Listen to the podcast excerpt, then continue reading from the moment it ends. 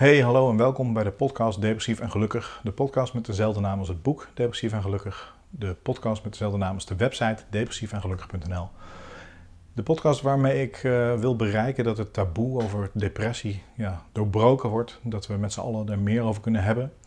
En waar ik mee hoop dat we minimaal één iemand kunnen helpen om dat steuntje te geven, dat duwtje te geven uit dat diepe dal van depressie. Dit is uh, als het ware het tweede deel van mijn podcast. Eerder heb ik tien podcasts opgenomen, uh, waarin ik heb verteld waarom ik ermee ben begonnen. Uh, hoe ik op dat moment in de situatie zat dat ik niet thuis was, omdat het op dat moment even niet meer ging. Podcast waarin ik, eh, of het deel waarin ik ook verteld heb over de brief van mijn vader. Eh, waarin ik over social media gehad heb. Waarin ik het over het werk gehad heb van Do What You Love. En nog allerlei dingen. Tweede deel zijn we begonnen met een staatsupdate waarin ik vertelde dat het gelukkig wat beter met me ging gaat. En we hebben het over materialisme gehad, we hebben het over forums en communities gehad. Ik heb je uitgenodigd voor de community Depressief en Gelukkig. En daar kun je naartoe naar www.depressiefengelukkig.nl slash community. Of je gaat gewoon naar depressiefengelukkig.nl en klikt even op community.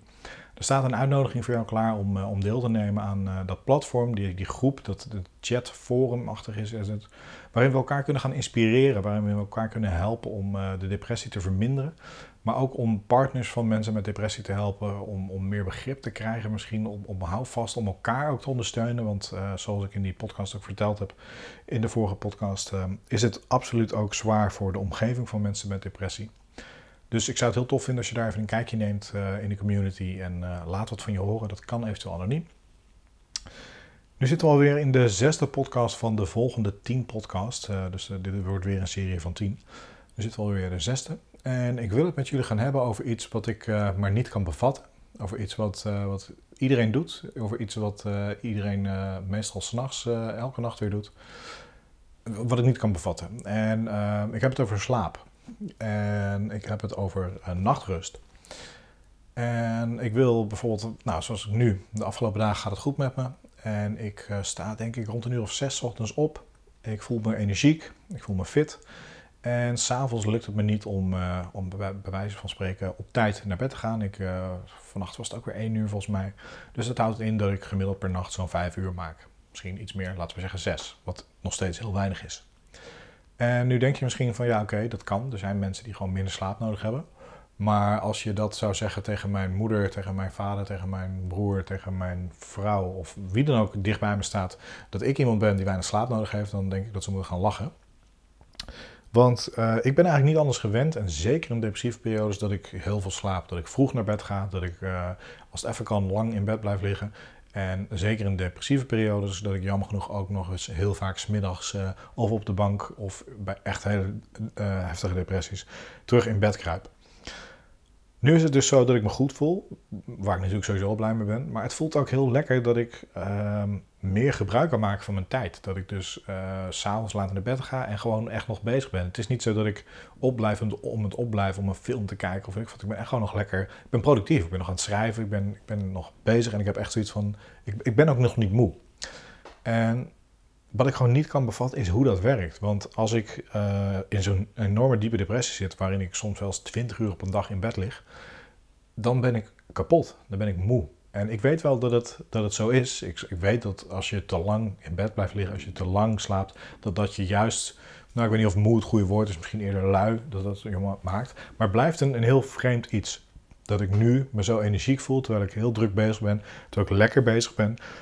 En ik voel me, ik, ik, ben niet moe. Ik heb het idee dat ik, ik heb ook het idee dat ik beter slaap. En ik denk dat daar ook de, het verschil in zit. Um, ik heb je in de vorige, volgens mij in het vorige deel al wel verteld dat ik een Apple Watch heb. Volgens mij in het deel met, uh, met, uh, met het hardlopen. Nou, maakt het niet uit.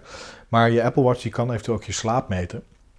En um, ik heb die Apple Watch toen gekocht. Ik was er onder andere heel blij mee vanwege het sporten. Dat het me helpt om, uh, om meer te bewegen. Maar wat mij ook heel erg een stukje erkenning, wat ik, wat ik een heel belangrijk iets vind in meerdere aspecten. Um, ik, ik zag namelijk met mijn Apple Watch kon ik mijn slaap meten als het ware. En uh, ik wil niet zeggen dat het 100% klopt wat, wat daar staat, maar in ieder geval, ik kon daaruit opmaken dat ik dan misschien wel lang slaap, maar dat ik maar heel weinig diepe slaap had. Dus dan uh, sliep ik bijvoorbeeld, uh, ik noem maar wat hoor, 11 uur op een dag. En dan had ik 10 minuten diepe slaap. En ehm, ik heb veel over slaap gelezen. En ik weet niet of je dat weet, maar eh, in je slaap komen meerdere fases voor. En uh, het is heel belangrijk voor je, voor je rust, voor je nachtrust, voor het herstel van je lichaam, dat je uh, een bepaalde hoeveelheid diepe slaap hebt.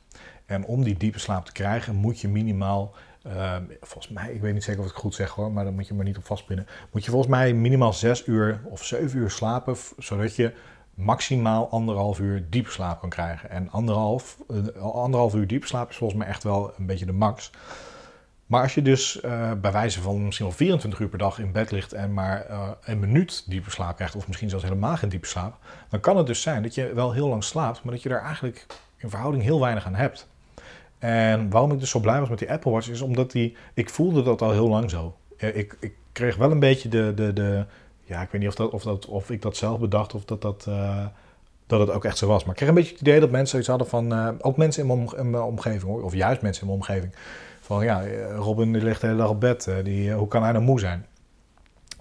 En die Watch gaf me eigenlijk een beetje de bevestiging. Dus van ja, leuk, je ligt heel lang in bed, maar uh, je hebt geen diepe slaap. Dus je kan nog wel, je kan de hele week in bed blijven liggen, maar je zal er niet uitgerust van worden.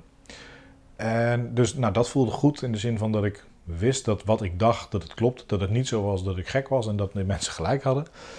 Maar uh, ook omdat ik toen dus een, een duidelijker probleem had. Dat ik duidelijk had van oké, ik kan nog zo lang in bed liggen. Maar als ik die diepe slaap niet weet te halen, dan heeft het weinig zin. En toen ben ik dus wat meer gaan kijken naar hoe kun je die diepe slaap nou misschien beïnvloeden. En ik denk niet, dat is mijn mening, ik denk niet dat je die diepe slaap per direct kan beïnvloeden. Maar je kan wel je slaap beïnvloeden wat uiteindelijk dan weer invloed heeft op je diepe slaap. Um, wat ik daarmee bedoel zijn eigenlijk hele simpele dingen. En zodra je zal googlen op uh, beter slapen, zijn het dingen die je voorbij ziet komen. En het gaat hier ook meer weer om uh, dingen die je misschien al wel weet, maar waar, waar gewoon echt tegen jezelf moet zeggen: ik moet het nu gaan doen. Dan heb ik het over dat je uh, met regelmatige tijden naar bed moet. Dus dat je, stel dat je elke dag om 10 uur naar bed gaat, dat je dat ook elke dag doet. Dat je een vast ritueel hebt. Dus dat je bij wijze van, uh, ik noem maar wat hoor, om half tien uh, stopt met beeldschermen. Is trouwens ook een hele goede. Dat je, uh, en eigenlijk nog, het liefst nog veel langer stopt met beeldschermen.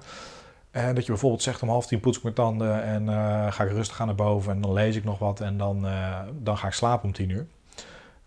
dat is aan het begin zeker doorzetten, omdat misschien ben je om tien uur nog helemaal niet moe of ben je juist al veel eerder moe.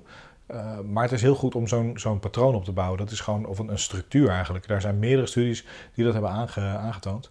Die beeldscherm is gewoon heel belangrijk. Zorg dat je het juiste licht in je kamer hebt. En hou eigenlijk gewoon je telefoon uit, uh, uit de slaapkamer. De, de iPads, de televisies, weet ik wat allemaal. En een dingetje wat ik echt al, ja, weet ik veel hoe lang, als ik me kan herinneren, doe, is dat ik uh, muziek luister in bed. voordat ik naar bed ga. Dus ik heb oordopjes in. En dat is iets waar uh, Charlotte niet heel erg blij mee is. Zeker toen Nout net was. Ik bedoel, uh, dan heb je de babyfoon en die hoorde ik niet omdat ik oordopjes in had. Maar ik heb dat zo lang gedaan dat ik het zo moeilijk vind, vond en vind. Ja, ik vind het nog steeds moeilijk. Om, dat, om, om uh, zonder muziek te gaan slapen. En wat er wel gebeurt, en wat er wel vaker gebeurt, is ik heb dan Spotify en ik doe die oordopjes in.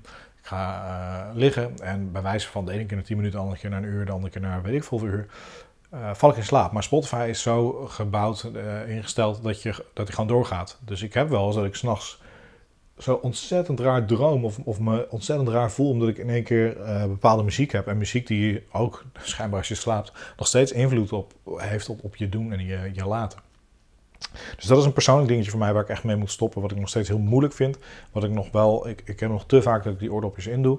Maar goed, wat ik zeg, ik slaap nu de laatste tijd slaap ik beter. Um, waar we dus, wat ik zei, uh, licht, op tijd naar bed gaan, zo min mogelijk telefoons uh, in je kamer. En de temperatuur van je kamer is ook ontzettend belangrijk. Het is op dit moment, we hebben net de heetste week volgens mij van ik veel, veel jaar achter de rug, juli 2019.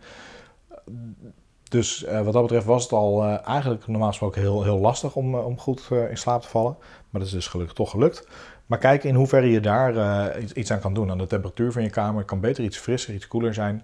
Um, en wat ik een hele goede vind, ik zou niet weten van wie het me ooit gezegd heeft, maar die, uh, die zei, maar die zei, je moet in twee dingen investeren. In schoenen en in je bed. Of je loopt op je schoenen, of je ligt in bed. Dus die twee moeten goed zijn. Dus dat is ook wel een dingetje waar je, ja, als, waar, ik van zeg, van daar geef ik wat meer geld aan uit, geef ik wat meer aandacht aan, dat, dat, dat moet goed zijn, zeg maar. Omdat hoe je s'nachts slaapt bepaalt zoveel voor hoe je je dag doorgaat.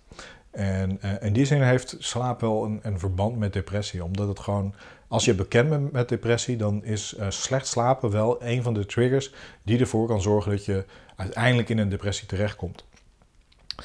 Dus wat ik je met deze podcast wil meegeven is, denk, ja, denk eens bij jezelf na. In hoeverre doe jij er al alles aan om goed te slapen? Zelfs al heb je nu het idee dat je goed slaapt, misschien kun je nog wel veel beter slapen. Misschien kun je nog wel veel meer uit, ja, uit je nachtrust halen dan dat je nu doet.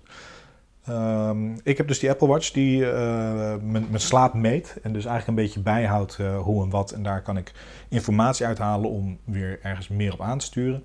Mocht je geen Apple Watch hebben, volgens mij zijn er ook wel dingen voor de Fitbit. En volgens mij zijn er ook apps die je op je bed kan leggen, op je matras kan leggen. Ik moet je heel eerlijk zeggen dat ik niet precies weet hoe dat dan werkt. En ik me ook niet, uh, ja, eerlijk gezegd helemaal kan voorstellen dat het je slaap goed kan meten. Maar goed, het houdt er volgens mij vooral uh, uh, bij hoe onrustig je in slaap bent, zeg maar. Maar het is in ieder geval de moeite waard om er een keer naar te kijken. En wat absoluut de moeite waard is om dus te kijken hoe je je slaap kan verbeteren en daardoor ook je stemming kan verbeteren. Ik zou het heel tof vinden als je hier nog verder met me over wil praten uh, in de community. Dus ga even naar depressiefengelukkig.nl en uh, klik op community. Ander dingetje wat ik je tot nu toe nog niet gevraagd heb, uh, waar ik eigenlijk niet zozeer bij stilgestaan heb, omdat het, het voelt fout. Het voelt niet goed om, om hier echt te willen verkopen, maar ik zou het toch wel heel tof vinden als je mijn boek zou willen reserveren. Hij is te reserveren op depressiefengelukkig.nl slash boek. Kost 21,99 euro. En dan krijg je meteen toegang tot hetgene wat ik al geschreven heb. En natuurlijk, zodra het boek er is, dan, eh, dan krijg je die. Wat ik nog verder nog eh, bij het boek ga doen, is bijvoorbeeld een, eh, een, een, een training om minder stress te ervaren, wat ik, wat ik graag met je wil delen. En ja, wat ik zeg, het voelt niet goed om, om echt uh, keiharde verkoop zo. Maar ik wil natuurlijk wel graag. Het helpt me ook mijn doel te behalen als mensen dat boek lezen, als mensen het over het boek hebben. Dus ik wil je vragen om, ja, om daar eens te kijken en erover na te denken om die te reserveren. Voor nu weer hartstikke bedankt en ik spreek je graag weer de volgende keer.